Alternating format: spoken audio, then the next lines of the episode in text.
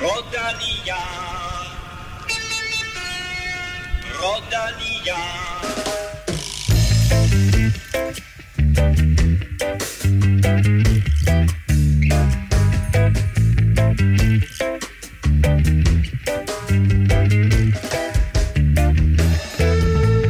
Ikke en Velropa podcast uden en dansk sejr, og sådan der hele seks af slagsen og tre af dem i PostNord Danmark rundt, hvor Little Trick duoen Mathias Gjelmose og Mads Pedersen satte alle konkurrenter til vægs. Og når ja, så kunne Mads Pedersen jo lige så godt tage et smut til Tyskland og så vinde World Tour løbet Bemer Cyclassics i Hamburg søndag eftermiddag også. Og øh, som om det ikke var nok, så vandt Anders Forlager samtidig øh, første etape i ungdommens Tour de France Tour de l'Avenir. Og dermed velkommen til mine to ungdommelige eksperter, Kim Plesner og Stefan Djurhus. Tak for det. Tak for det. Og Kim, øh, vi lægger simpelthen ud med breaking news. Gør vi det? Ja, du ved det ikke, men det gør vi. Nej, den er ikke med. Nu bliver jeg bange. Jamen det er fordi uh, Stefan 2000 er blevet til Stefan 3000. Wow.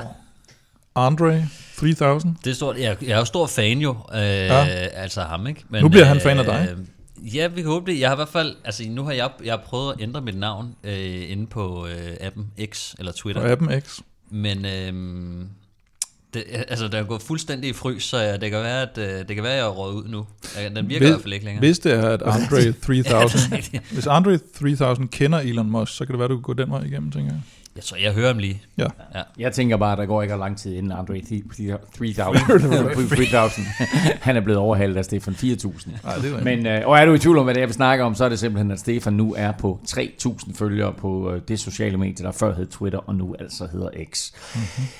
Og så vil jeg sige, Kim, øh, det, er jo ikke, øh, det er jo ikke breaking news på nogen måde, men og kæft var Mads P. i god form. Ja. Ej, men ja, det, jeg ved sgu heller ikke, hvad man skal sige, vel? Altså VM, hvor, han, hvor vi jo snakkede om, han måske i virkeligheden var den stærkeste rytter, men måske fik brugt lidt for mange kræfter ude på ruten, og Danmark rundt, hvor han også får brugt relativt mange kræfter, Men og så, men vinder. Og så kommer han ned og laver det nummer ned i Tyskland. Det, det er sgu imponerende.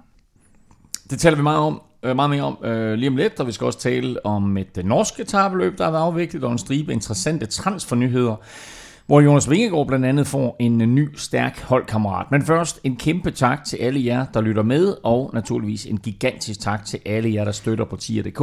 I er årsagen til, at vi kan blive ved med at udkomme, og øh, også i dag har vi naturligvis en øh, Velropa Cup til øh, lodtrækning. Tak til alle, der støtter, og velkommen til Simon, Lars, Michael, Niklas, Jonas, Christian, Martin, Kiki og Simon, samt Plom.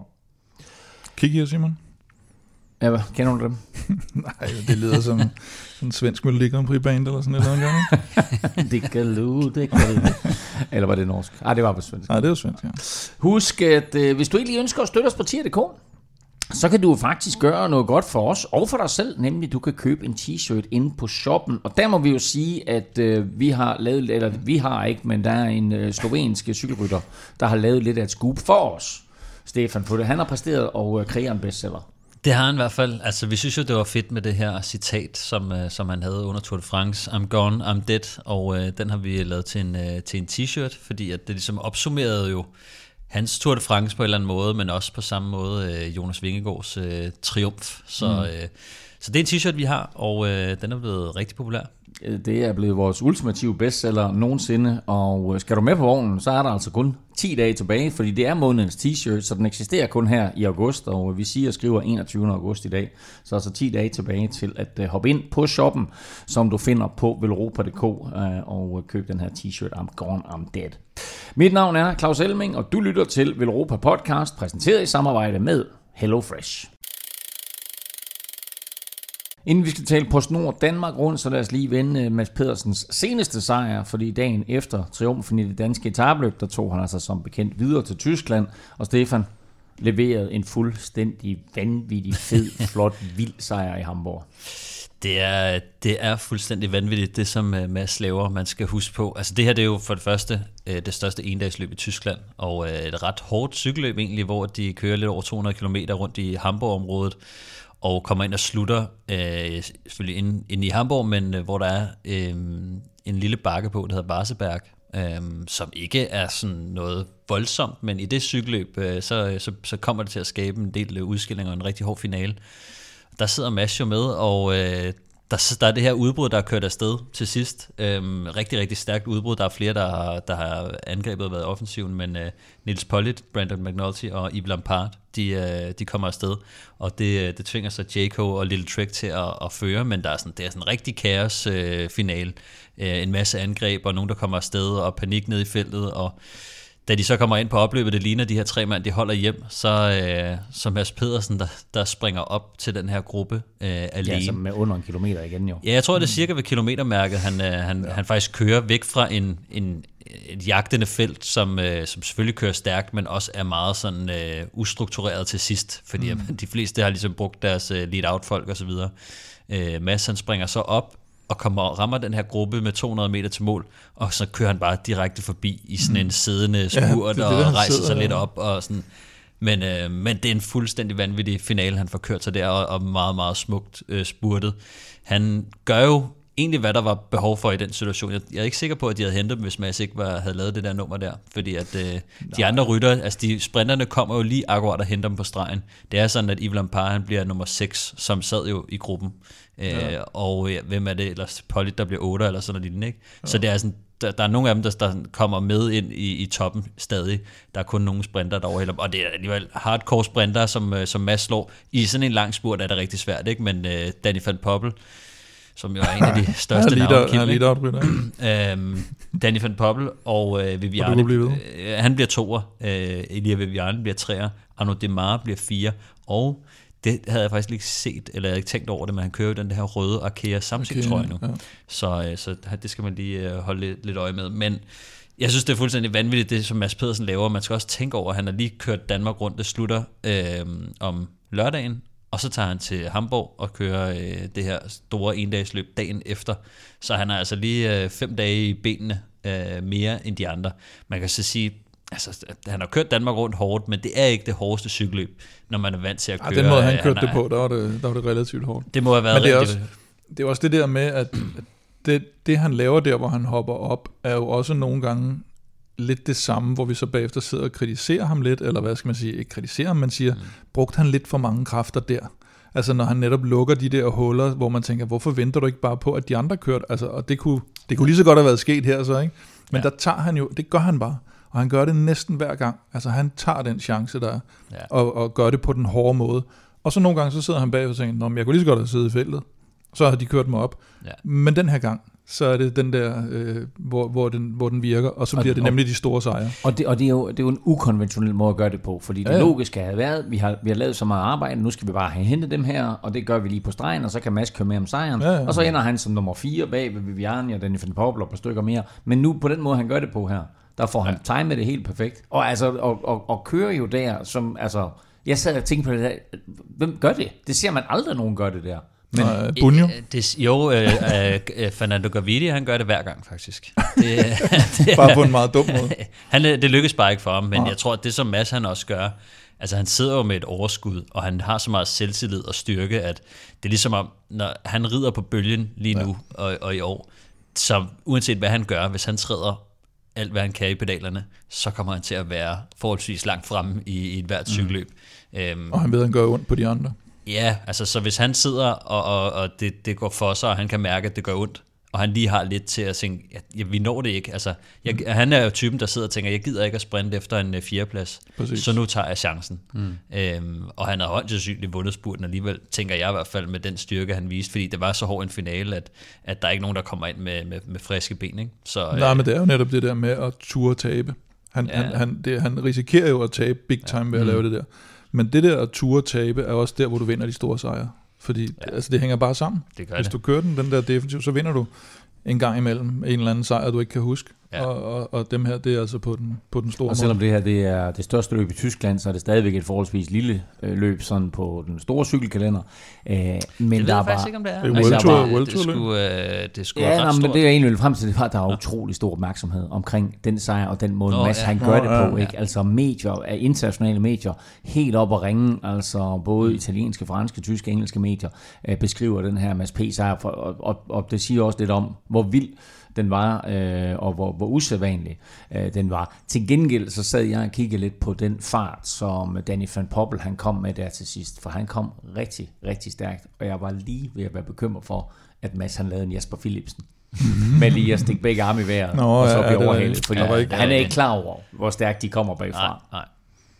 Nej, det, Nej, det er han ikke. Altså, det er jo, kan man sige, han, han er jo kørt, når man åbner, når man kører en kilometer spurt, så når man ikke helt den samme topfart. Øh, eller man mister mm. i hvert fald lidt fart omkring stregen, hvor de andre så kommer, kommer blæsende. Ikke? Også fordi, at øh, Danny van Poppel, han kan jo ligge ind i slipstrømmen af både Mads, men også de andre.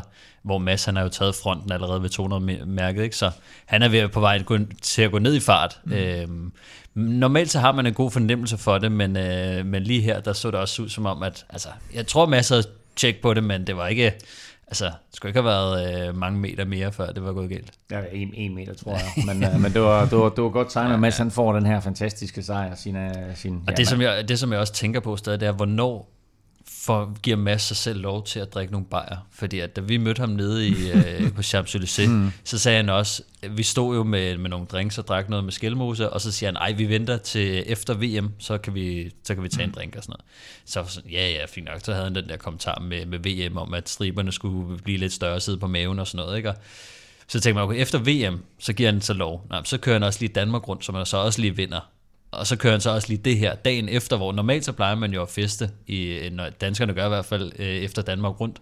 Det er ligesom også et lille højdepunkt, når det ligger efter turen. Mm. Og de, flere- det, det er ikke så mange danskere, der plejer at køre Vueltaen og så videre, så det er lidt sådan, sæsonen er ved at være lidt...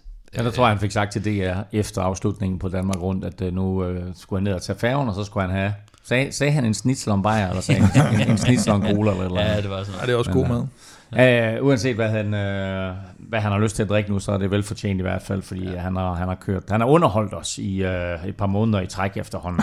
uh, og som vi også kommer lidt tilbage til uh, på torsdag, så uh, er vi jo stadigvæk lidt uafklaret omkring, om han deltager i Vuelta i Spanien eller ej. Han har selv udtalt, at det gør han ikke, men han kan Jeg tror, blive... jeg tror mest, det, er det ikke det, mest det, dig? det, men det skal vi ikke tro på, siger du.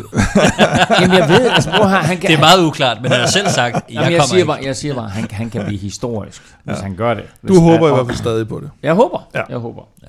Ja. Øhm, nå, øh, videre til en anden dansk sejr. Fordi ja. det var nemlig en rigtig, rigtig god søndag set med danske øjne. Der var også etappesejr i Tour de l'Avenir.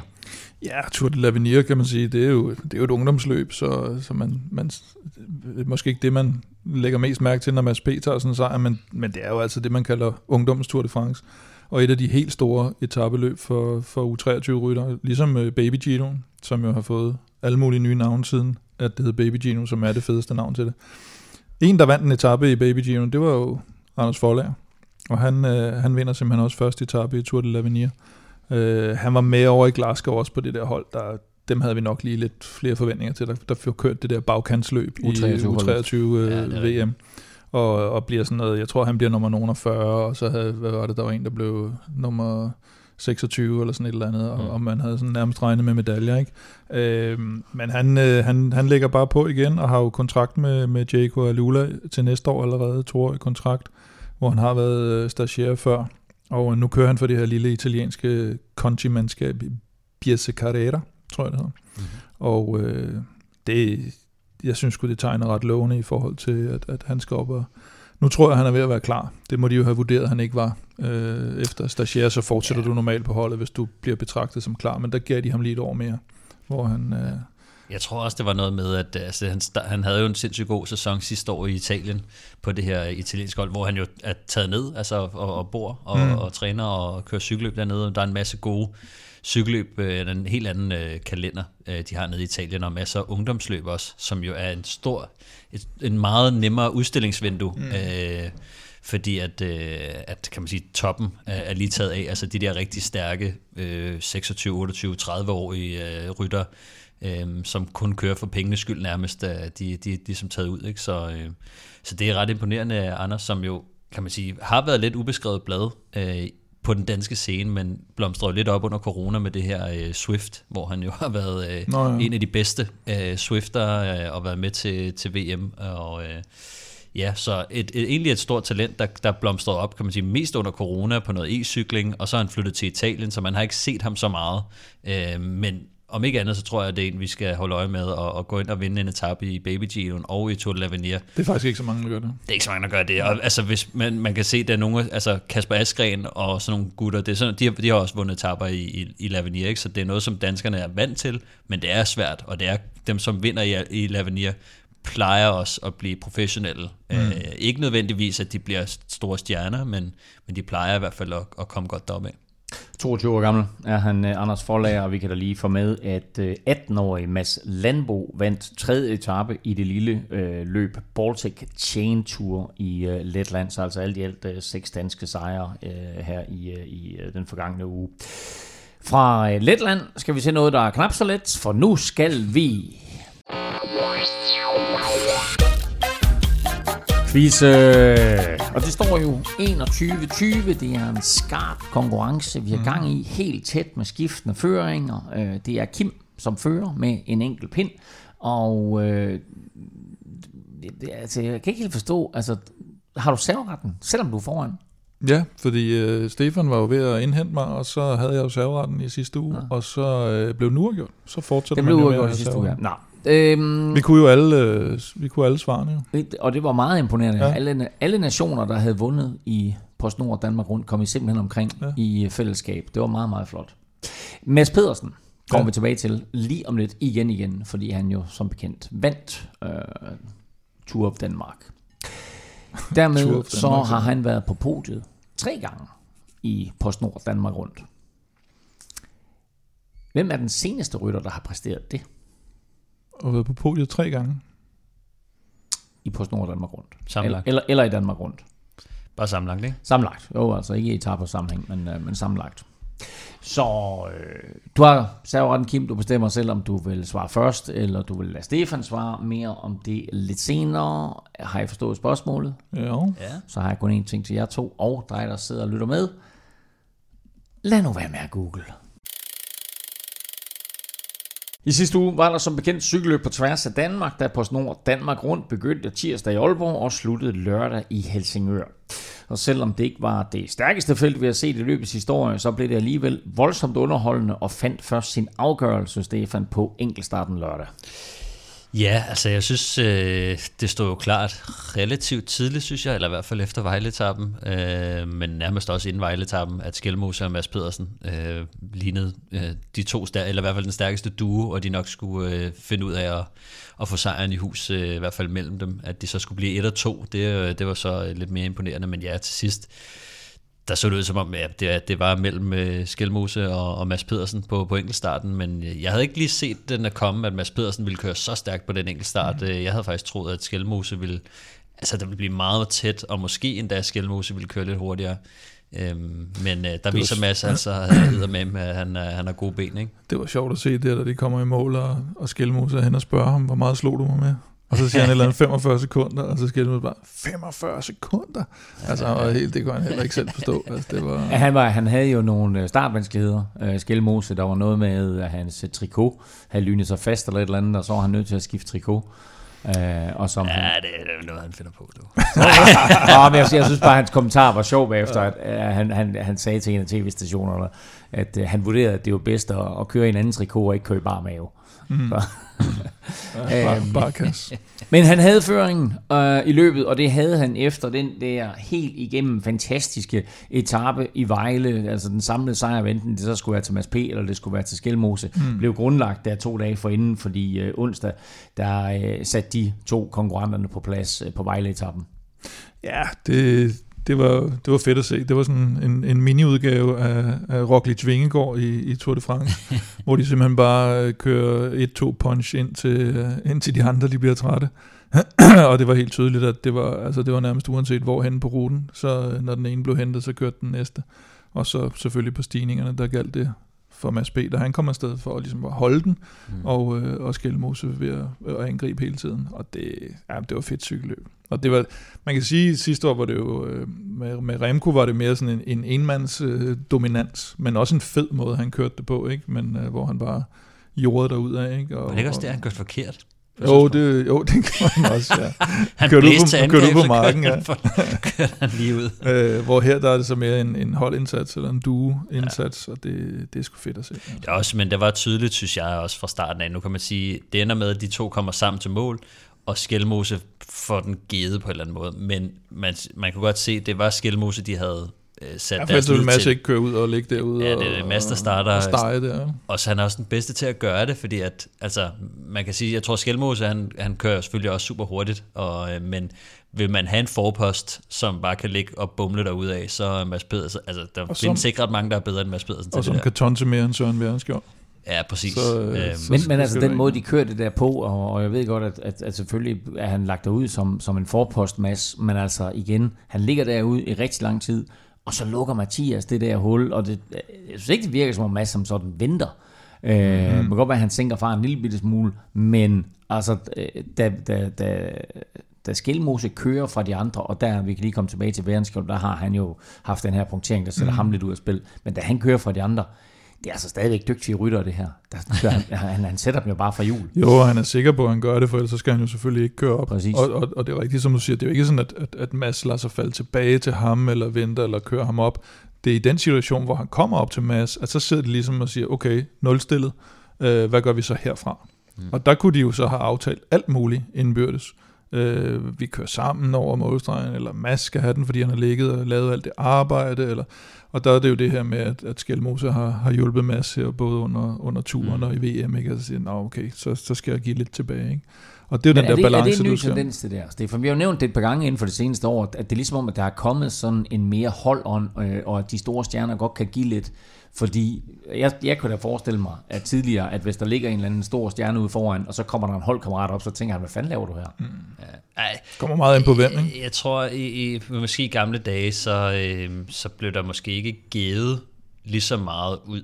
Altså, øh, men der blev givet ud, men, men det er ret store, altså der er ret store gaver, der bliver givet i øjeblikket, ja. vil jeg sige. Altså, der, men altså, jeg vil også sige, etappesejr i Danmark rundt, det har man også set, øh, hvad hedder han, øh, Matti Marcel, han gav øh, Frederiksberg-etappen til Mørkøv det ene år, hvor Mørkøv han kørte lead out, og, og Matti han havde, øh, mm.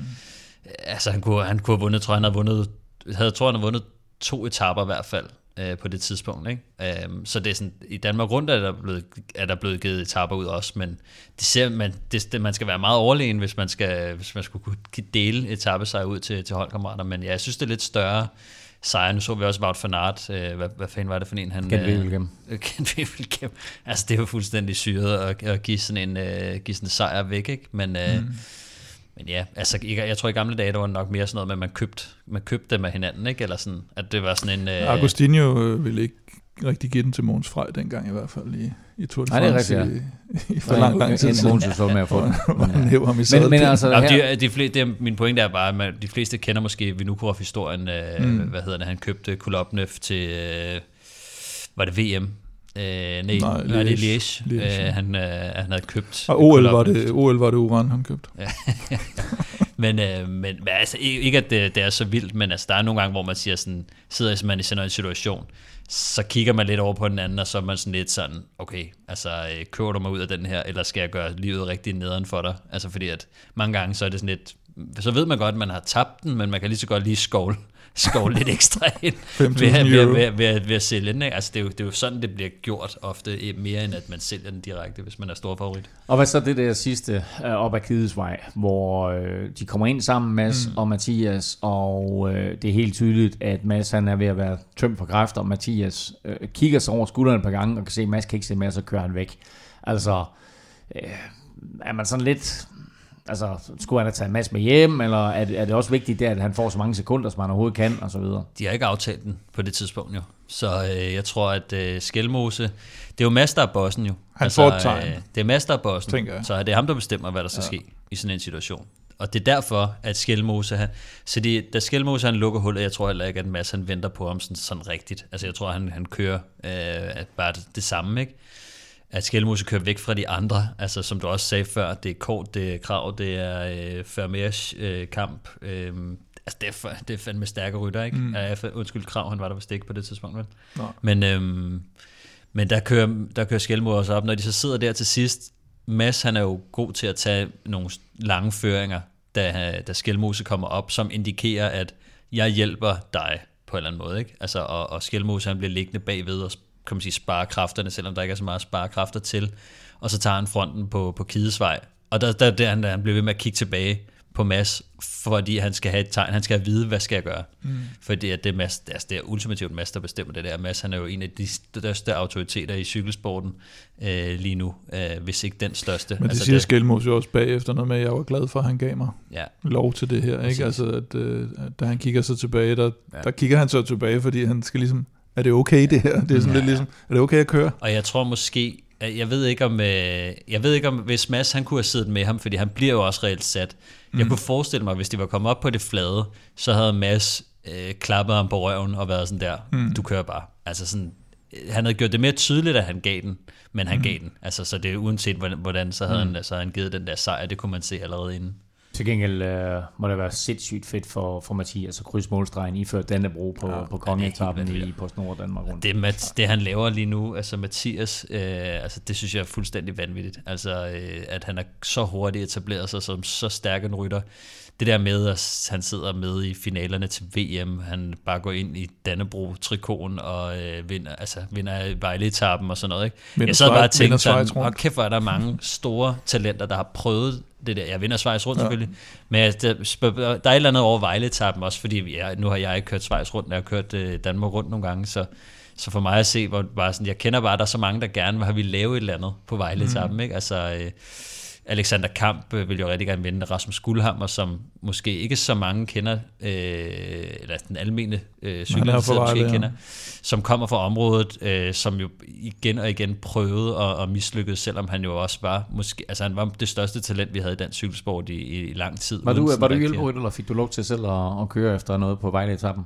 Nogensinde i Danmark rundt? Øh, jeg fik lov at prøve, men der var ikke noget at, der var sgu ikke noget at komme efter. Den var sgu for hård. Det var den sgu. Men, øh, men det var også, altså, de år jeg kørte, det var sådan noget, altså, det var også bare Tinkoff Saxo og sådan nogle, de rettede den bare ud, og så, altså, så, så blev det bare sat fra. Ja, ja. Altså, der var, altså, det er ikke, jeg vil ikke sige, at der, konkurrencen var hårdere, fordi jeg synes også, når man kigger på feltet, så er det bare sådan, kvaliteten, den kommer bare hjemmefra. Så du, der er ikke så mange udlandske stjerner med men vi har bare så meget kvalitet mm. i danskerne, at, at jeg synes egentlig, at niveauet har været rigtig højt. Det er bare fordi, der er så mange danskere med, at man tænker, at at Men det er også det, når, altså, når man kigger på podiet, ikke? så, mm, så ja. er det Mads, der vinder, og det gør han foran Skelmose, så bliver Magnus Kort 3, og så tænker man, at det var sådan et eller andet øh, dansk løb, som de fordelt mellem sig. Men det der, det er jo tre verdensstjerner. Mm. Det er det nemlig. Det er det, man skal ja. huske. Og det, ja, og det er jo, vi talte om det i, i optakten også, at, at set i forhold til nogle tidligere øh, år, også på grund af løbskalenderen, så, så var det måske lidt tyndere besat øh, af de udenlandske stjerner, Fabio Jacobsen undtaget. Mm. Øh, men, øh, men, men det vi bare skal, at det er ikke sikkert, det gjorde noget, og det, det gjorde det jo faktisk heller ikke. Fordi der skulle altså, det skulle have været nogle rigtig, rigtig, rigtig, rigtig, rigtig gode udenlandske folk for at kunne hamle op med det podie der. Mm. Og netop Fabio Jacobsen øh, var måske nok det største udenlandske navn, og han tog sig også, også kærligt af de to etaper, som, øh, som lå til ham. Øh, vinder to etaper i, i PostNord og Danmark rundt her. Ja, jeg synes faktisk, øh, var den første han vinder, der får han jo sublim lead-out fra, øh, fra Kasper, Kasper. Pedersen, øh, som mm. jeg synes, øh, Kasper Pedersen så knivskarp ud faktisk, øh, og kommer jo direkte fra, hvad hedder det, brække kravbenet der i, øh, til DM, ikke? Øh, så har han ikke kørt siden, så, øh, så det er godt at se, at han er, er tilbage i, topform der. Det var en rigtig flot øh, lead-out af ham. Ja, så synes jeg også, det måske kan man godt sammenligne Fabio Jacobsens øh, deltagelse i Danmark rundt, lidt som den her Remco også havde, øh, for at det er at tanke selvtillid. Altså lige tage skridtet lidt ned, og efter nogle uheldige episoder i de store løb, lige få lidt ro på og komme til et løb, hvor Lidt som at spille en, en, en øh, preseason kamp i, i, i fodbold, eller, eller, eller hvad det nu er. Nå, men altså, hvor modstanden er lidt lettere, hvor, hvor, hvor chancen for succes er, fordi igen, øh, det er det samme, hvis du scorer øh, tre mål i en træningskamp inden øh, sæson, så får du også selvtillid til sæsonen. Øh, det er bare lidt nemmere at gøre det, men, men du kan ikke tage de tre mål fra en, og du kan ikke tage de to sejre fra Fabio Jacobsen, de står også på hans CV nu. Og øh, jeg så interviewene med ham bagefter, øh, og der var han jo rigtig glad, øh, og så videre, så, så selvfølgelig betyder det altså noget for en, for en sprinter at vinde, og det er trods alt også et felt, hvor der sad Mads P. og et par andre hurtige rytter, så øh, det var ikke sådan... Øh, Nå, nej, nej, det er ikke sådan, han bare fik den serveret. Præcis jo. Øh, en rytter, som jeg faktisk lige en overgang tænkt, han ender sgu med at vinde det hele. Det var Søren Værenskjold, for han tager lidt fusen på ja. alle de andre rytter på første etape, ja. og der skal ikke meget til. Især ikke, når det er sådan, at man ved, at han har så stor en motor, kan køre en god enkeltstart. Der skal ikke meget til for, at, at han rent faktisk kunne vinde øh, på Stor Danmark rundt, men øh, han blev altså så han var udsat for han en punktering på tredje etape. Han var men, klart øh, det farligste, den farligste indslag for, for, for Skelmose og, og Mads P's øh, strategi der, og, øh, og, og det var også det, det var nærmest mod ham, de kørte den her 1-2 punch på, på Vejle-etappen. Han er så uheldig at få en siver, og mener vel, han, jeg tror han sagde, at han havde nærmest siddet halvanden omgang med, med, med en siver. Jeg kunne ikke forstå, hvorfor fanden han ikke kunne træde så mange watt, som han, øh, eller, eller køre så hurtigt, som han, som, som han havde. Men jeg vil så sige, at selvom han ikke var punkteret, er jeg ret meget i tvivl, om han kunne have fulgt med øh, på, på det, de lavede der hele vejen til mål. Øh, han var nok kommet tættere på, og han var formentlig gået på, på det samlede podium på en tredjeplads til sidst, med, netop med tanke på hans mm. enkeltstart. Så det er selvfølgelig ærgerligt for ham, fordi det var også en, en, en lille slags gennembrud for ham, eller hvad skal man sige, på sådan en... Ja, det fik han jo nærmest i, i, i Tour de France, ikke? Jo, jo, men... han så tæt på her, og, eller i hvert fald, jeg tror, at, at udover, udover Norge, så tror jeg, der er mange, der lige pludselig øh, stifter bekendtskab med ham der under Tour de France, ja. hvor han jo også kørt flot, og den form, som Mads P. kom ud af Tour de France med, den kommer Søren Værenskjold også ud af Tour de France med, og så vanvittigt stærk ud på de, på de ja, første etaper. Men altså, jeg vil sige, i turen, altså, der, gennembruddet kommer jo ikke rigtigt, jeg vil sige, han kører top 10 på Champs-Élysées, ikke? Men, men gennembruddet er mere det der med, at nu kører vi for Værenskjold, ja. vi kører ikke for Kristoff. Det var, det, der var, det var sådan, det blev, blev sådan lidt, nå okay, hvem er ham Værenskjold? Eller man havde, ja. ja, vi kender ham jo nok lidt, for, fordi vi har set uh, nogle flere cykler, men for den almene, som er sådan lidt, nå, men så bliver han ligesom kendt, fordi at nu er det ikke Kristoff, vi kører for. Ja. Måske også i, i norske øjne, at det er sådan lidt, okay, nu laver man altså skiftet til, til Søren Værenskjold. Så jeg synes også, ærgerligt, at hans, kan man sige, gennembrud, men som, som de også selv sagde, som Kim også sagde, han er en stor dreng, ikke? Altså han mm. er, vejer over 90 kilo. Mm.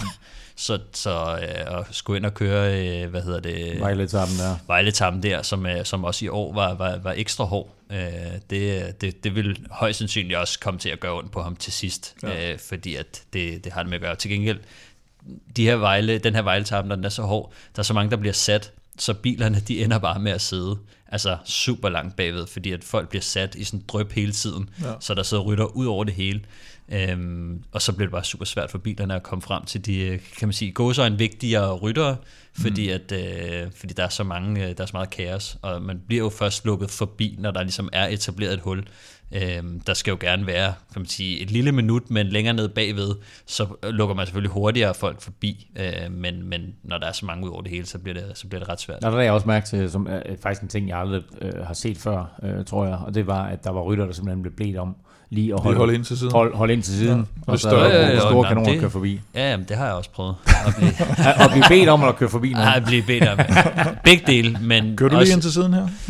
Nej, det var et år i hvert fald. Det var første gang, hvor at, øh, det, var, det er faktisk lidt mærkeligt. Det er ikke noget, man normalt gør, tror jeg. Øh, mm. Danmark Rundt er lidt specielt på nogle punkter, faktisk. Øh, de har sådan en, øh, når man starter, så nu ved, normalt så har man den der, øh, det par fiktiv, hvor man starter ind i byen, så kører man 5 km ud, og så har man rullende start. Der har Danmark rundt altid stoppet op, tissepause, og så genstarter man no. fra scratch uden for byen. Mm. Og det er sådan lidt weird, hvor at, øh, det, det, det gør man ikke rigtig i andre. Der kører man rullende start. Ja. Ikke? Og så samtidig, når man kommer ind til de der omgang der, så kan jeg huske, det var i Sønderborg på det tidspunkt. Jeg havde været med et styrt tidligere, et, stort, et stort styrt. Så kommer vi ind, og så får jeg at vide, at vi skal køre væk. Og alle er jo sådan der, vi kører ikke væk, fordi at så gennemfører vi jo ikke løbet, og så er vi jo ude. Mm. Og der er ikke rigtig nogen kommissær, der sådan er så klar i spyttet, så man sådan, så man sådan stopper op og prøver at finde en eller anden kommissær, som så kan fortælle dig sådan, det er fint nok, du er færdig. Du er færdig. det er sådan lidt sørgeligt, men uh, ja, ja, så er det. En, der ikke er færdig, men til gengæld måske er på vej mod et comeback. Det er Michael Valgren. Og øh, Kim, mm. du har jo allerede uh, udtalt, at du forventer, at han vinder OL. Ja, udnævnt ham til OL-vinder næste. Jamen, det synes jeg, det er, nej, vi talte jo om, hvis man skulle se på en rytterprofil, den ligger til, den ligger også ret godt til Mads P, vil jeg sige, men, øh, men, men det der Ah, det, det, var ikke, det, var ikke så meget, det var ikke så meget det med OL, jeg tænkte på, det var mere. Valgren, han, han øh, kommer i top 10 her. Og jo, jo, og, og det er jo bare en vej, på, en, en, en vej tilbage mod, øh, mod store tider i 24. Nej, jeg synes, han så godt ud. Jeg synes... Øh, jeg, jeg, jeg ved sgu ikke øh, det her med også, at han er flyttet hjem, og det, det virker som om, at han har et lidt fundet sådan et fundament at starte op fra igen nu, på en eller anden måde, hvor det har været det der med, at så skulle han ned og køre development, og så skulle han dit mm. og datten. Det virker lidt som om, at nu er der en retning på det der projekt. Øh, måske har han fået lidt ro på også på nogle andre ting og sådan noget, det ved jeg sgu ikke, men øh, det, det, det kunne jeg godt se for mig, og så er han bare en pissegod cykelrytter. Altså, når, han har lige lov til at køre sig i form, men, uh, men der ja. bliver rift om pladserne til det OL der, så nu må vi lige uh, se, hvor Der er jo kun fire. Ja, eller tre. Ja, har, får vi fire med? Vi ligger til at få fire med. Okay. Mm. Men det, det, der, det, der bare er vildt, det er, at man maksimalt kan have fire rytter med som ja, nation. Præcis. Altså, det er sådan lidt... Og er der ikke noget med, at uh, Jonas Vingegaard har meldt sin ankomst? No. jo, og det er kun... Man Så er skal, der set tre. Jeg tror, at Danmark ligger nummer to på verdensranglisten, og det er top 5, der får fire ryttere med. Og ja, så, det skal vi holde. Så vi, jeg tror, vi kommer i top 5, ja, ja, men det er bare det er store nationer. Altså, det er Frankrig, ja, ja, ja. Belgien, Danmark, Øh, ja, ja, sådan noget lignende. Slovenien. Ja, dårligt huske. Slovenien ja, er en her. Øhm, så, øh, så det, det er vildt, at man kun får fire med, og med det niveau, vi har lige nu, hvis Jonas Vingegaard skal med. Øh, Mads B. skal næsten også med. Mads B. skal nok også med. Det kan være... Kort Skelmose. Jeg ved ikke engang, om skal... Skelmose. Ja, ja. Valgren. Og, og, så Valgren. Og så skal man ned med med at lave så Søren Krav. Og, du lave en, øh, der, det danske tredje hold bliver også meget godt. Ja, det gør det nemlig. Ja. Ja. Det snakker vi om øh, til den tid. Øh, Stefan, du får lige lov til at runde det her på Nord Danmark rundt af. Mm. Øh, er der andre rytter, som du sådan lagde mærke til over de her fem dage, som du vil fremhæve? Jeg synes i hvert fald, at øh, det er værd at nævne nogle af de danske øh, rytter, som, øh, som jeg synes gjorde god figur. Øh, Niklas Amdi fra Kolokvik, han vandt bakketrøjen foran Jeppe Åskov Pallesen, der kører for det her polske kontinentalhold. Der var blandt andet den ene spurt der, hvor jeg ved ikke, om I så det, hvor at, Niklas Amdi han kom blæsende indenom i, i en spurt, hvor Jeppe han var kørt, jo, kørt lidt forud, og så kommer Niklas Amdi. Det var, det var en bakkespurt. Ja. det var bakkespurt, ja, det er rigtigt. Ja, men øh, ja, men han, han, han, er der altså med at tage, tage bakketrøjen der. Så synes jeg, uh, Tobias Svare, en 19-årig gut fra Kolo Creek, uh, han blev nummer 8 på Vejle-etappen. Uh, det synes jeg er virkelig, virkelig stort. Uh, jeg tror, han blev nummer 17 sammenlagt eller sådan noget, og, og to i ungdomskonkurrencen, men, uh, men der sad jeg og tænkte, okay, det er, det er så stort at bare at gå i top 10 på Vejle-etappen, specielt som 19-årig gut, som er et rimelig ubeskrevet blad. Det, det, det er i hvert fald en rytter, som, som jeg har noteret mig, at uh, ham der, ham skal vi, uh, Tobias Svare, læg mærke til det. Ja.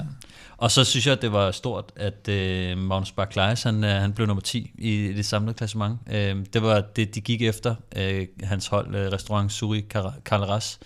Øh, og det synes jeg er ret stort. Og så øh, ved vi jo, at øh, der er jo lidt ved Europa over Magnus Bak også. Øh, han driver jo café nede i, øh, i lokalet, hvor Vel Europa blev stiftet.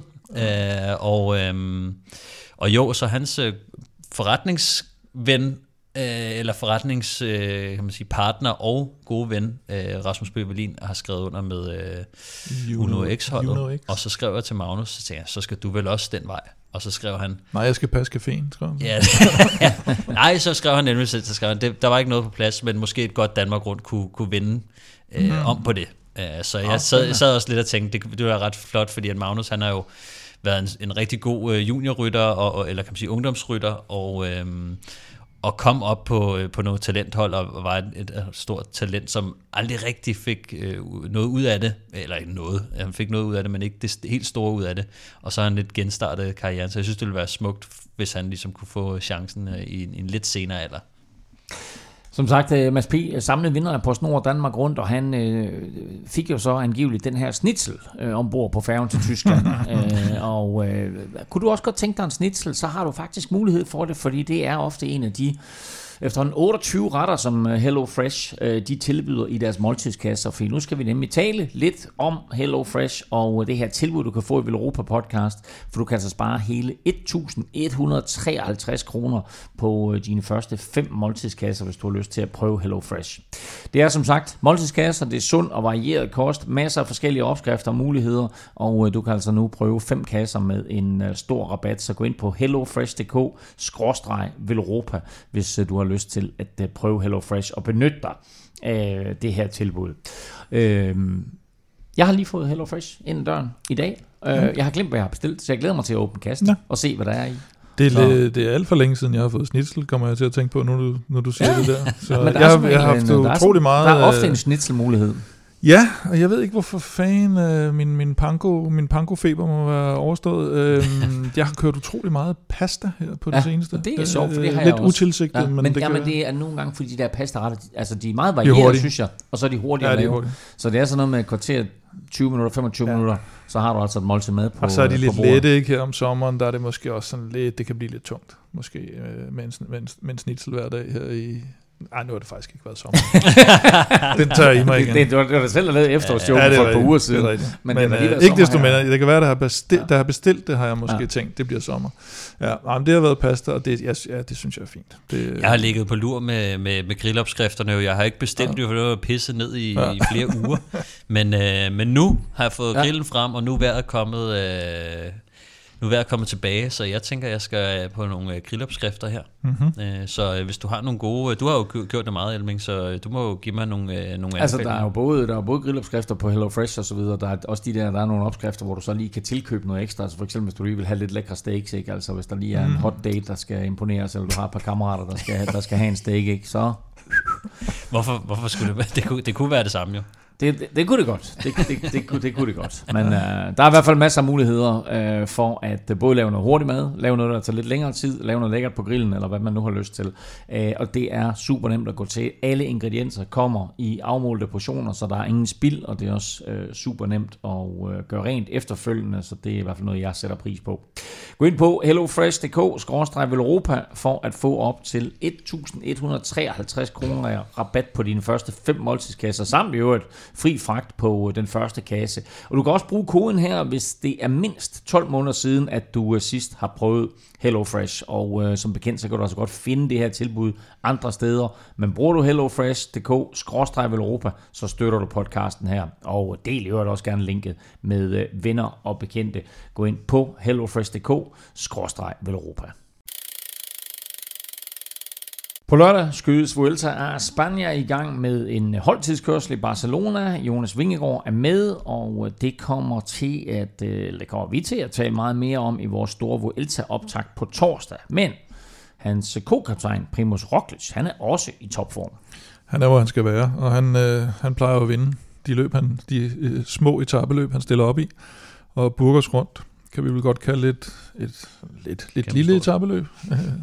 og, øh, og det vinder han foran øh, Alexander Vlasov og Adam Yates. Øh, der er et par bjergetapper, hvor de, de kommer sammen hjem i samme tid, men, øh, men Roglic først vinder de to etapper, og øh, så vinder Jumbo Visma holdtidskørselen, som jo også øh, sikkert, er, sikkert er god, lagt god, ind god for, timing. er lagt ind, fordi Vueltaen starter med sådan en, ikke? Øh, Så, øh, og så, så vinder vores, øh, vores ven øh, Oya Lascano, ham her, den, den stærke spanier fra, fra Movistar, fra, fra et udbrud. Som ikke kom med til turen. som ikke kommer med til turen, som vi håber kommer med til øh, Vueltaen. Og øh, Juan Sebastian Molano fra øh, UAE vinder så sprinteretappen. Øh, så, så Roglic, han er, hvor han skal være. Og øh, vi kommer selvfølgelig meget mere tilbage til, øh, til Vueltaen på, på torsdag, og kommer også til at tale om det her meget, meget stærke Jumbo Visma-hold, som altså skal bakke både Jonas Vingegaard og, og Primoz Roglic op. Øh, Arctic Race of Norway øh, blev også kørt her, mens der var PostNord og Danmark rundt. De to nordiske løb, der de lå altså lige oven i hinanden, og øh, Kim, det blev øh, Steven Williams fra Israel Premier League, der vandt. Ja, og jeg synes, hvis man kigger sådan på de, de forrige års resultatlister, sådan, jeg synes også, det plejer at være lidt stærkere besat. De har måske haft lidt de samme problemer som, som Danmark rundt, og, og det hele bliver meget presset her, også på grund af, af det tidlige VM og, den, og den lange, den lange, det lange VM, der var på grund af alle de her discipliner. Så jeg tror også, den, øh, det er nok ikke en udgave, der sådan går over i, i historiebøgerne deroppe. Øh, Lignesund har vundet tidligere, Dylan Tøns og, og, og hvem har vi ellers. Så må ikke, øh, må ikke de tilbage på, på omgangshøjde til næste år, tror jeg. Og så skal vi til noget lidt mere ubehageligt, fordi mens vi jo generelt regner med, at feltet er rent, og at doping hører fortiden til, så er der pludselig dukket et par tilfælde op. Ja, i hvert fald, øh, øh, der er jo altid tilfælde, kan man sige, øh, men nu, jeg var lige inde og tjekke sådan en, en UCI-statistik over, dels over dem, der var suspenderet, og dels over dem, der så har været dømt her på det seneste. Og, og der er det jo altså meget sådan, folk fra, hvad skal man kalde, tredje, tredje, tredje verdenslande inden for cykelsporten, havde han sagt, lidt, lidt sydamerikanske lande, og der ikke er, der ikke er Colombia, og, øh, og nogle afrikanske lande, og måske lidt fra Mellemøsten og sådan noget. Øh, og så lige pludselig, så har vi jo altså fået øh, dels Miguel Angel Lopez her, der blev sådan lidt per efterkrav øh, øh, suspenderet for, for, for sin tid på Astana, øh, fordi UCI formentlig ikke ville have ham med til VM. Så kom den her Robert Stannard øh, suspendering, og nu kom ham her, den tyske Michel Hessmann fra Jumbo Visma, som var med i, i Giroen, var en af Roglic øh, hjælperyttere der. Så det er lige pludselig på et højere niveau i hvert fald, øh, et World Tour niveau, vi, vi ser nogle, øh, nogle suspenderinger. Og øh, det er i hvert fald en ændring i det mønster, der har været. Øh, og det er jo også derfor, at når vi har talt om doping, har sagt, vi har svært ved at finde den der røg, der skal give brand. Øh, og, og, og det er jo sådan, man kan ikke bare sidde og sige, fordi der er nogen, der kører hurtigt, eller mm. der, der, der, så plejer der at være sådan nogle sager, eller nogle, ja, øh, Festina-skandalen, eller, eller, eller Operation Puerto, eller sådan noget. Og der har ikke rigtig været de der øh, ting og sager, som der normalt er i forbindelse med sådan noget. Så det her, det kan være, ja, det er et spørgsmål, om det, om det er tilfældigheder, eller om, om, om vi lige pludselig begynder at se, at der er nogen, der bliver taget på det her højere niveau, og hvorfor er det så, det sker? Det er en ting, man i hvert fald kan sige, det er, at uh, UCI har fået flere midler i år til at teste for. Mm. Så uh, det kan godt være, at de tester flere rytter, eller bare oftere, uh, og dermed kan man sige, når nettet bliver lidt mere finkæmmet, mm. at, uh, eller de kan, de kan komme lidt, altså få taget lidt flere af de der sager. Men det, som jeg synes, der... Altså, kan man sige, det er jo aldrig godt, når vi snakker om, om doping, men det, som der beroliger mig i forhold til, at, øh, at, at man smider dopingordet rundt, øh, som jo er cykelsportens øh, Voldemort, synes jeg. Altså, øh, det, det, man gider ikke rigtig snakke om det, men de, de sager, der er, det er meget små sager, altså øh, for, for at sige det lige ud. Altså, det er sådan noget som, tramadol, som var lovligt frem til 2018. Øh, så blev det ulovligt, og det er noget med nogle styr, der gør noget opium, hanøje, og, altså, hvor, og så kommer der øh, de her sløringsmidler, hvor mm. det er sådan, det, meget ofte vil det også være, øh, man kan sige, de har, det har en effekt, og det kan bruges i forbindelse med doping, men det er ikke nødvendigvis præstationsfremmende. Mm. Øhm, eller Nej, noget, det er typisk som, blive brugt til at sløre noget, der er præstationsfremmende. Ja, det, det og det kan man sige, så det er sådan, jamen, så kan man sige, okay, altså er det røg nok til, til brand, eller, mm. eller, eller der er også nogen, som jo, og det ser man jo også desværre, øh, at, øh, at der er nogen, der tager noget forurenet kosttilskud. Mm. Øh, og det er også noget, som jeg tænker over. Nu ved vi ikke så meget med ham her, øh, tyske Michael Hessmann fra, fra Jumbo Visma, som jo er den, den seneste. Øh, men det, det glæder mig til at finde ud af, fordi nogle gange synes jeg, det er meget spændende at se, hvad er det for nogle stoffer, og øh, er der noget research på dem i forbindelse med, og hvor de bliver mm. fundet henne. Og, øh, fordi jeg, jeg vil sige, hvis man det er meget dumt. Nogle af de stoffer, som, som man hører rytter tager, det er meget dumt at tage dem, fordi at der er nærmest ikke nogen effekt. Altså, mm. øh, men så, så netop det der med, så kan det sløre måske i forhold til andre ting. Øhm, og så kan man så diskutere, hvad, altså, det, det er fint nok, at det er ulovligt, og det er ærgerligt, at de bliver taget for det, men så kan man sige, er det så også med intention om at tage noget, der var præcisionsfremmende, eller har man taget noget forurenet kosttilskud? Det sker desværre lidt oftere, end man lige skulle tro. Altså, mm. øh, jeg, jeg kender selv nogle stykker, vi kender, øh, nu altså, vil jeg jo ikke smide Skelmose under bussen, men han har jo haft en mm. sag, som, hvor at, kan man sige, han skulle forklare sig, øh, og øh, jeg kan godt, jeg tør godt at sige, at antidoping, de købte hans historie, øh, fordi at de gav ham en meget mild straf. Øh, Martin Toft, øh, han fik også, han havde også, øh, han kunne så bevise sin uskyld via, øh, at han kunne fremskaffe et nyt badge, som var uåbnet, øh, som de kunne sende op til test og så videre. Mm. Men han mistede jo sin timerekord, han slog i timerekorden, som de så tog fra ham. Øh, men, så jeg kender bare nogen, der er blevet taget for forurenet kosttilskud, så det føles mere normalt for mig, når, når der er nogen, der bliver taget med noget, fordi jeg, jeg ved bare, at alle cykelryttere som de, de vil gerne gå til grænsen og tage alt muligt mm. kosttilskud for at forbedre sig selv en lille smule.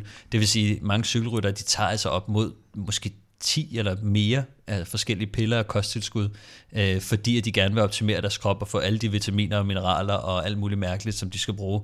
Øh, ligesom jeg selv har taget alt muligt, hvor man tænker, jeg fik da sved på panden dengang, at øh, Martin Toft, som var min holdkammerat, han blev, han blev taget med noget, mm. øh, hvor jeg tænkte sådan, uha, altså, og øh, nu vil jeg ikke nævne det mærke, som det kom fra. Øh, fordi det kan jeg huske, der var stor øh, øh debat om dengang, men det var rimelig anerkendt øh, mærke, som øh, man tænker, det er, det, det er dansk mærke. Øh, mm. Øh, og det, så, så man kan bare ikke være sikker, når man køber fra nogen, hvor man tænker, det må være sikkert, når det kommer herfra. Men det var det så ikke i det her tilfælde. Ikke? Så jeg synes bare, det er, sådan, det er lidt ærgerligt, når man siger doping om sådan nogle her stoffer, som, som slet ikke er det samme, og det kunne lige så nemt være forurenet. Ja. Eller Ja, nu ved vi ikke, vi ved ikke alt for meget om de her sager også, og det er det, man skal se, hvis man skal sige, er det tilfældigheder, eller er det, er det noget, der er en tendens, at, at det lige pludselig opstår, og, og er der så en sammenhæng?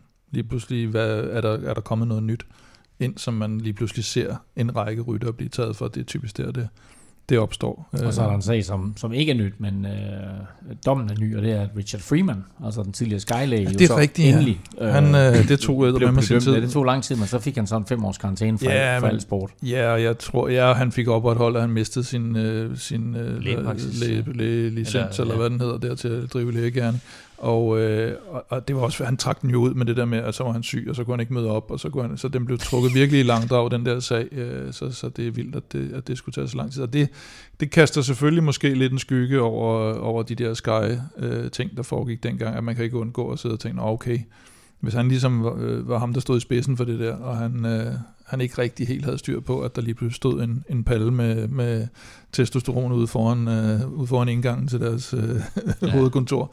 Hvad, hvad er der så ellers sket, ikke? Og det, det, det er ikke sikkert, at vi nogensinde får, får det opklaret. Men så bliver der i hvert fald øh, bundet knude på den.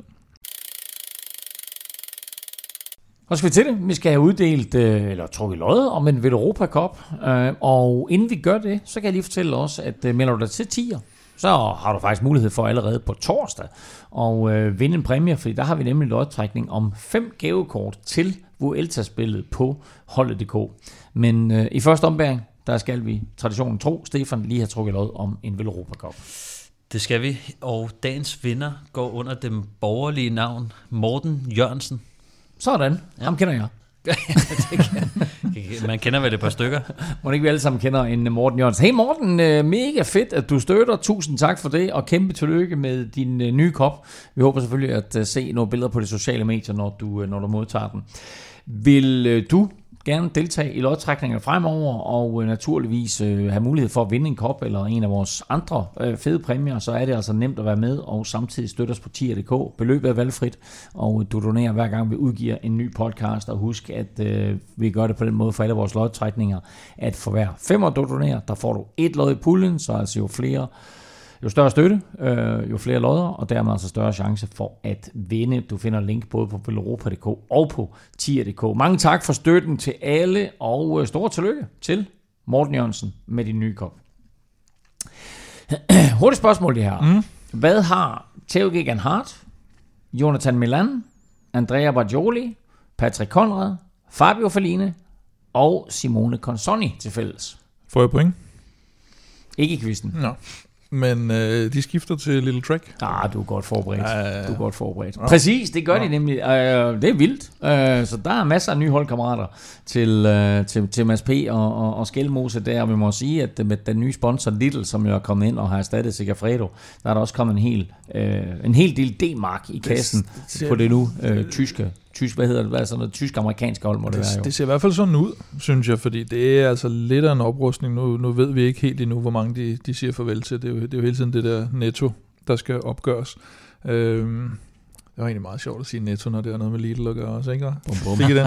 Nå, øh, og, og for at det ikke skal være løgn, så øh, er der skulle kommet øh, en til i dag. Øh, Ryan Gibbons er Nå. også lige kommet med. Øh, så øh, endnu en hurtig, en hurtig fætter. Altså, man må kun være 30 mand på sådan et hold, ikke? Så de skal skille skal, til at, de skal til at af med nogen også, jeg Wow. vil sige. Men, Wow. øh, men det er, og, og netop, øh, man kan sige selvfølgelig Gagan Hart og, og Patrick Conrad øh, og, og til dels Bajoli er selvfølgelig nogen, der også kan, kan køre opad, men ellers så er det, så er det lidt på den hurtige front. Men hvor at de- stiller det, altså, altså sådan nogle der, de kan, de kan køre op af, hvor stiller det Skelmose sådan i forhold til hans klassementstrømme i forskellige løb? Ah, selvfølgelig Gagan Hart øh, er selvfølgelig et stort navn, og mm, måske kan det være med til at gøre, at, at Skelmose er i gang med det, og så vandt han Schweiz rundt, og nu er det, nu er det sådan ligesom forventet, at han skal tage nogle skridt videre op, men hvis han var den eneste, der skulle køre klassement på det hold der, Bauke Mollema er jo ved at være lidt uh, over the hill, uh, ked af at sige, så, så kunne presset godt blive rigtig, rigtig stort. Så jeg kan godt se det som en måde at tage presset lidt af, Øh, Gagan Hart, han er, han er godt nok kun lige fyldt 28, men stadigvæk lige en, en, en fem år ældre end, øh, end Skelmose. Så kan han være sådan i sin prime nu, og så kan Skelmose fortsætte sit, uh, sit udviklingsarbejde, og så kan de køre en tandem på det, ikke? og så selvfølgelig fordele uh, tingene mellem sig. Jeg ser det som en styrke, at han, han får en til at aflaste lidt for, for pressen. Og hvad, altså, det, man kan jo også godt være flere kaptajner, det ser vi jo også, ja, ja. der er flere hold, der, der gør. Altså, så, så jeg tænker også, det vil være godt for Mathias at have en holdkammerat med sig i finalen i, i nogle af de store løb, og måske også en, der kan lære Skelmos en lille smule om, øh, om hvordan det er at være Grand Tour-rytter. Ikke? Jeg tror, Bauk Mollema kan selvfølgelig lære ham. Jeg har nok lært ham en hel del, og Kim mm. Andersen selvfølgelig også, men, øh, men det giver lige noget andet at have en, en holdkammerat øh, side om side øh, i situationerne. Nej, han virker også som en cool fyr, ikke? Øh, jeg tror det. Ja, ja Gigan Hart? Ja. ja, det er han også. Hvad sker der med den danske udgave af Bauk Mollemas fanklub, når han trækker sig tilbage? ja, men han kan vel stadigvæk satse lidt på San Sebastian, selvom den også er ved at blive svær at vinde.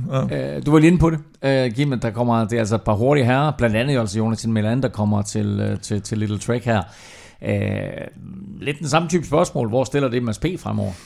Ja, men jeg tror, altså man har jo, vi har jo hørt et par udtalelser fra Mads om det her med, at jeg gider ikke køre de der, jeg gider ikke vente på de der pissespurter, eller hvad fanden det var, han fik sagt på et tidspunkt, ikke? at han, han, er, han er ude at opsøge øh, nogle lidt andre ting, synes jeg, man så både på VM og på, på, øh, på den måde, han vinder nede i, i, øh, i Bremen, skulle jeg til at sige, fordi det hedder Bremer, i Hamburg. Øhm, det, det virker lidt som om, han er mere motiveret for at, at måske blive den der mere deciderede klassikerrytter, hvor han jo lidt startede som det, og så blev han sådan lidt sprinter, fordi han selvfølgelig øh, lige pludselig bliver toer på, på Champs-Élysées.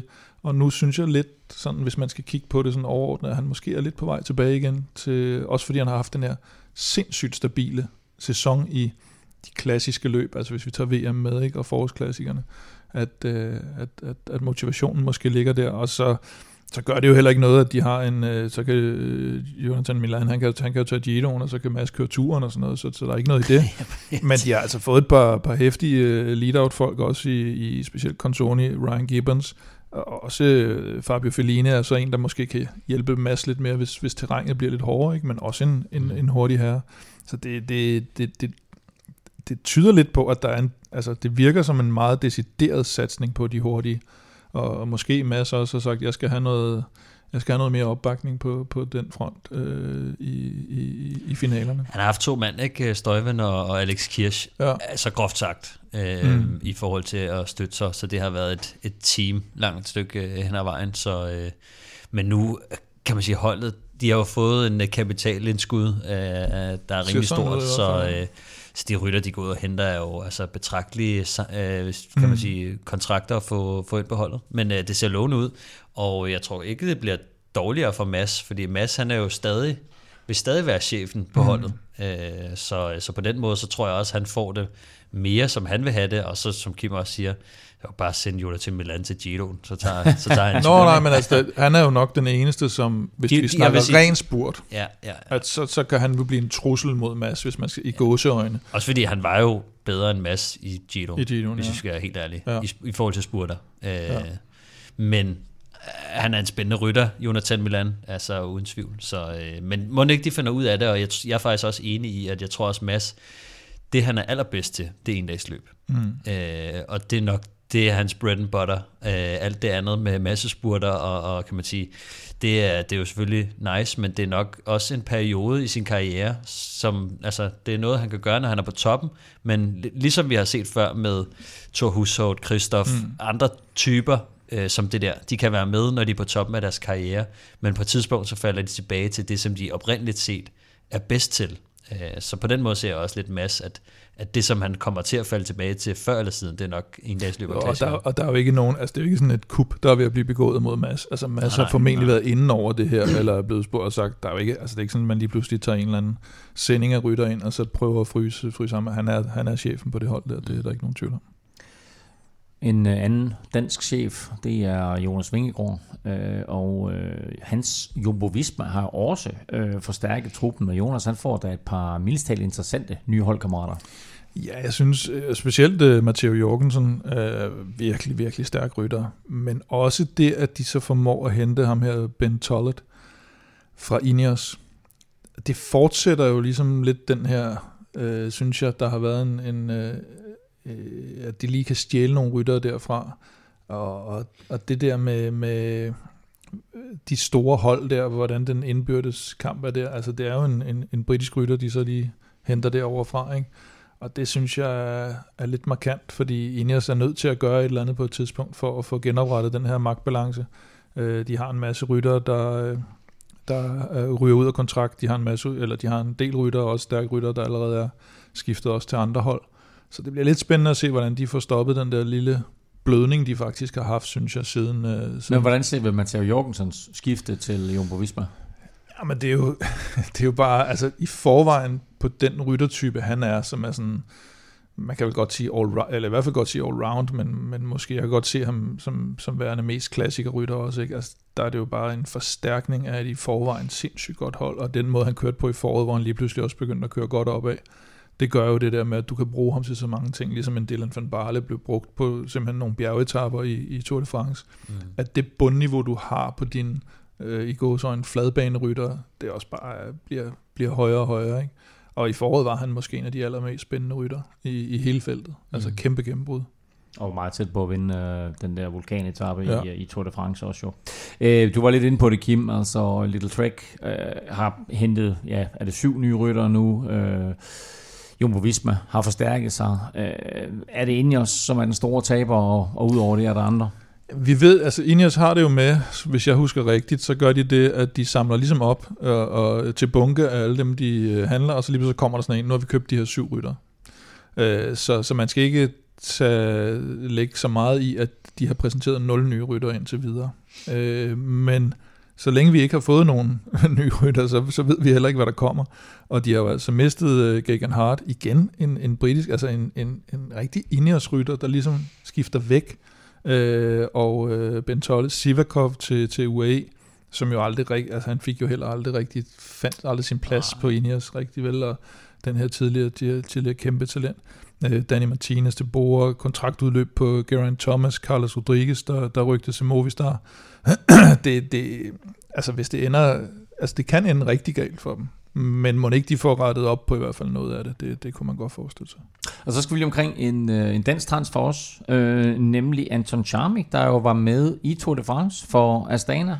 Øh, eller var med for, for Uno X. Han skifter til Astana, Stefan. Ja, altså, øh, det er jo, kan man sige, øh, det er jo et, et pænt skifte på den måde, at han, han kommer fra et øh, pro-conti-hold, øh, eller et pro-team, som de hedder, til et World Tour-hold. Så på den måde en, en opgradering for, for Anton Charmik. Øh, det er til gengæld også en udfordring, fordi han, han kommer fra et, et, et hold, hvor at, kan man sige, kontakten til rytterne er ret stor. Altså forståelsen af rytterne og udviklingsprogrammet er ret... Altså der er meget fokus på mennesket og udviklingen øh, på, på Uno X, hvor at og så lige tage skridt op til et lidt større hold, men hvor at du også skal stå meget på egne ben. Det bliver, øh, det bliver en stor udfordring, tror jeg, for Anton Charmik, men også øh, spændende, hvis, øh, hvis det kommer til at gå godt. Fordi at, øh, som vi har talt om før, han var den her, som kan man sige, en, en late bloomer, eller han var en early bloomer, som så stoppede sin karriere, og øh, derigennem blev, bliver en lidt en, en late bloomer. Øh, så spændende at se, hvad han kan drive til. Men jeg ved også, at det, jeg tror, det er... Øh, jeg tror, dem, det, det, hvor han er agent hos, øh, jeg tror det er hos øh, SEC, øh, der jeg tror jeg, de har rimelig gode kontakter hos Astana, så, så det har også givet, givet lidt muligheder til ham, ikke? Øhm, så ja. Spændende i hvert fald, at han skifter op til den rigtige World Tour, selvom Uno X jo uh, trods alt får et hav af wildcards, og næsten er et, et World Tour hold, men i hvert fald et, et, et stort karriereskridt for Anton Charmik. Uh, en anden som er skiftet, og den sidste, vi skal beskæftige os med i dag, det er Mikkel Landa. Og... Mikkel. Mikkel, ja. Hvad du kalder ham? Miguel? Ja. Miguel. Mikkel Landa. Mikkel. Uh, Mikkel øh, han, skulle, han skiftet til Sudal Quickstep. Ja. Den havde jeg ikke set komme. Nej, men han switcher jo rundt. Altså, det er jo det, er det der Han har også været på Sky, ikke? Det, det var også lidt... Ja, altså, Starner og Sky ja. og Movistar. Og, har han ikke været med Movistar også? Altså, han, han, var, han var jo i den der rundtur, hvor han lige pludselig ikke kunne forstå, at der var flere kaptajner, og så skiftede han hen til et hold, hvor de i forvejen havde helt vildt mange kaptajner. Skal jeg lige læse op her? Øsketel, ja. Astana, Team Sky, Movistar, Bahrain og nu øh, ja. quickstep, så han også, kan man sige. Og nu kan man sige, jeg tror, han er vel ved at være der, øh, som du siger. Han er nok ikke i sin prime mere. Sin Og, bedste alder, nu, 33. øh, ja, nu skal han til at, at være den der rutinerede bjerghjælperytter for Remco, og Remco har også udtalt, der skal altså, der skal altså ske nogle ting på Sudal Quickstep, hvis, øh, hvis, det, hvis jeg skal tro på det her projekt. Og der refererer han jo til, at der er alt det her ballade med, at øh, har Ineos været ude efter ham og fiske ham, og Remkos far siger så en ting, og så går Remco ud og siger, at det skal min far ikke sige, og der har været en masse ballade om alt det der. Gally Fevre siger, at han har kontrakt, og De har raslet med sablen. Ja, men der bliver Altså, altså, begge alt veje. muligt hejs med det der, ikke? Ja. Og Lefebvre, der spiller spillet på en eller anden måde, han skal nok få, altså hvis han så, får- så skal han nok få penge ud af det i hvert fald på den helt store... han sagde jo også det der med, at øh, nu skal de passe på, øh, at de ikke får en retssag på nakken. Ja, Så ja. noget i den dur, fordi at der har jo været det der med, jeg tror der har været, eller jeg ved der har været flytteri med Ineos. Altså sådan, mm. det er ikke engang for sjov, at øh, der har faktisk været noget, også et stor interesse for Ineos. Så udover at det blev gjort lidt til en joke, var det sidste år, hvor man mm. jokede sådan lidt med det, og de nærmest også holdene også selv var sådan der, hey, hvis I øh, vil af med Remco, så tager vi ham gerne, eller sådan et eller andet. Hvor det har faktisk, har faktisk været noget snak, så tror jeg, det er øh, Patrick Evenepoel, hans far, som har været, som jo er hans agent, som jo har måske jeg ved ikke, hvad, hvad han egentlig er. Han er jo tidligere cykelrytter øh, selv, ikke? men han er jo ikke uddannet øh, agent eller øh, vant til at lave den slags arbejde, så jeg tror, han har været lidt for, lidt for øh, vævende og øh, tænkt på øh, sin søns øh, pengepunkt øh, ja. og, og sådan, hvad han skulle. Ikke? Altså, øh, Han skulle også til at have sin egen YouTube-kanal nu, tror jeg, Remco. ja, okay. Han har jo sit merchandise-program. jeg synes, det stak af det her. Mikkel Lander. Ja. Mikkel Mikkel Lander, Lander. godt, godt skifte for Remco ej. Øh, godt skifte, helt klart, især hvis han bliver. Nej, er det kun et års kontrakt, eller hvad? Øh, og det har jeg faktisk ikke tjekket, men jeg Øh, da det sige, det, tror var, jeg, det tror un- det var underligt, hvis Lefebvre skulle mere øh, end et år med en, der er over 30. Det, det er næsten ikke set før. Ja, jeg tør, det, er jo, det er jo bare et move for at få Remco til at blive, Ja, ja, for at holde jo, ham glad. det er det. altså, der er ikke mere til det. Men, Og men det er, bliver også, det, er også, altså det er jo stærkt navn at hente ind som, som bjerg øh, luksushjælper. Det er det. Men det år, som Mikkel Landa har haft i år, så han nok også, så har de ikke fået ham billigt. Øh, Så det Nej, må også være, en, øh, ja. det må være en, en, en, stor signing for dem, og helt klart et signal om, at de kommer til at køre turen næste år, og det bliver spændende at se, øh, fordi mm. at hvis Remco skal udfordre, øh, hvad kan man sige, Pogacar og Jonas Vingegaard, så skal de fandme også komme med nogle andre end Peter Seri og James Knox, det er helt sikkert. altså,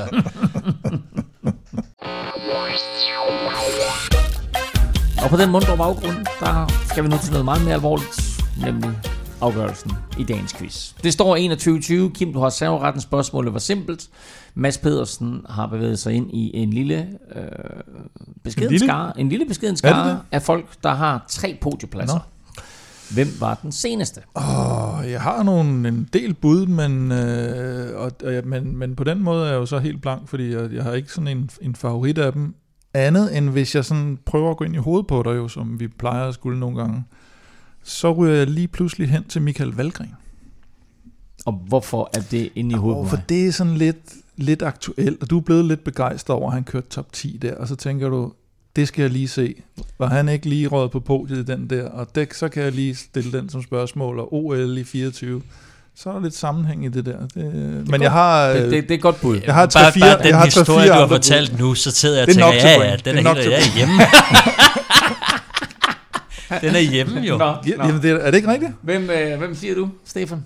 Øh, den eneste, som jeg... helt- Altså, nej, ja, der er nogle stykker, men Ja, der er en, vi er helt sikre på, kan man sige. Men han er vel for helvede så langt tilbage, at det kan ikke lade sig gøre. ja, og det tror jeg. Og derfor så siger jeg, Lars Bak, Eller, som jeg ved har... Øh, ja. Han har gjort det. Og flyver lidt under radaren. Jeg kan bare ikke huske... Han må have været den, en af de senere i hvert fald. Om så han er den seneste, det ved jeg ikke. Men det er mit bud i hvert fald, Lars Bak. det er et godt bud også. Det var også et af Det er begge bud. to rigtig gode bud.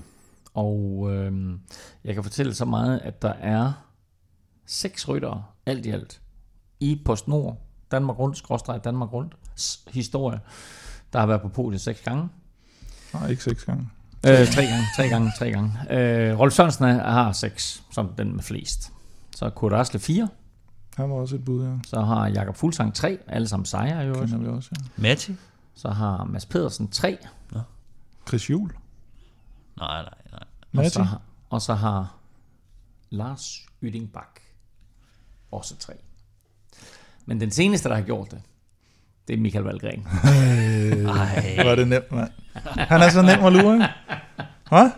For det var nærmest ulækkert at høre på ja. den historie, du disker op med der. Altså, Jamen, øh, ja, øh, simpelthen. Altså, vi har også, øh, vi har faktisk kendt den i over fem, i år, ja, 15 år eller noget i den retning, ikke Kim? Ja. Så det begynder, det begynder at hjælpe på det. Nå. Begynder at blive ulækkert. Jamen, øh, stillingen... Øh, det er jo en færre quiz, jo, kan man sige. Ikke? Stillingen... Når det er ægte par derovre, man, der fører med to og så afslutter hinandens sætninger. Man, hold kæft, hvor er det klamt, mand. To- 22-20. Stefan, du får til gengæld serveretten. Ja, øh, du får serveretten, det er det vigtigste. Når vi ses Husk på på det. torsdag.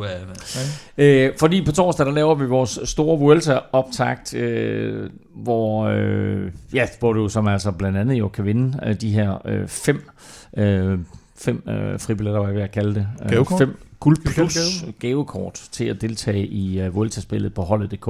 Og den her, øh, det her holdet.dk, der optager vi jo allerede øh, i aften mandag en øh, holdet.dk Vuelta special. Den kommer altså ud her senere mandag, så den kan du lytte til enten her sent mandag, eller måske øh, i løbet af ugen. Indtil øh, vi høres ved igen, der kan du følge Kim og Velropa på Facebook, X og Instagram på Snablag Velropa. Stefan finder du både på X, hvis han ellers kan få den til at fungere igen, og Instagram på Snablag Stefan 3000. Ah, Stefan Djurhus hedder du fortsat.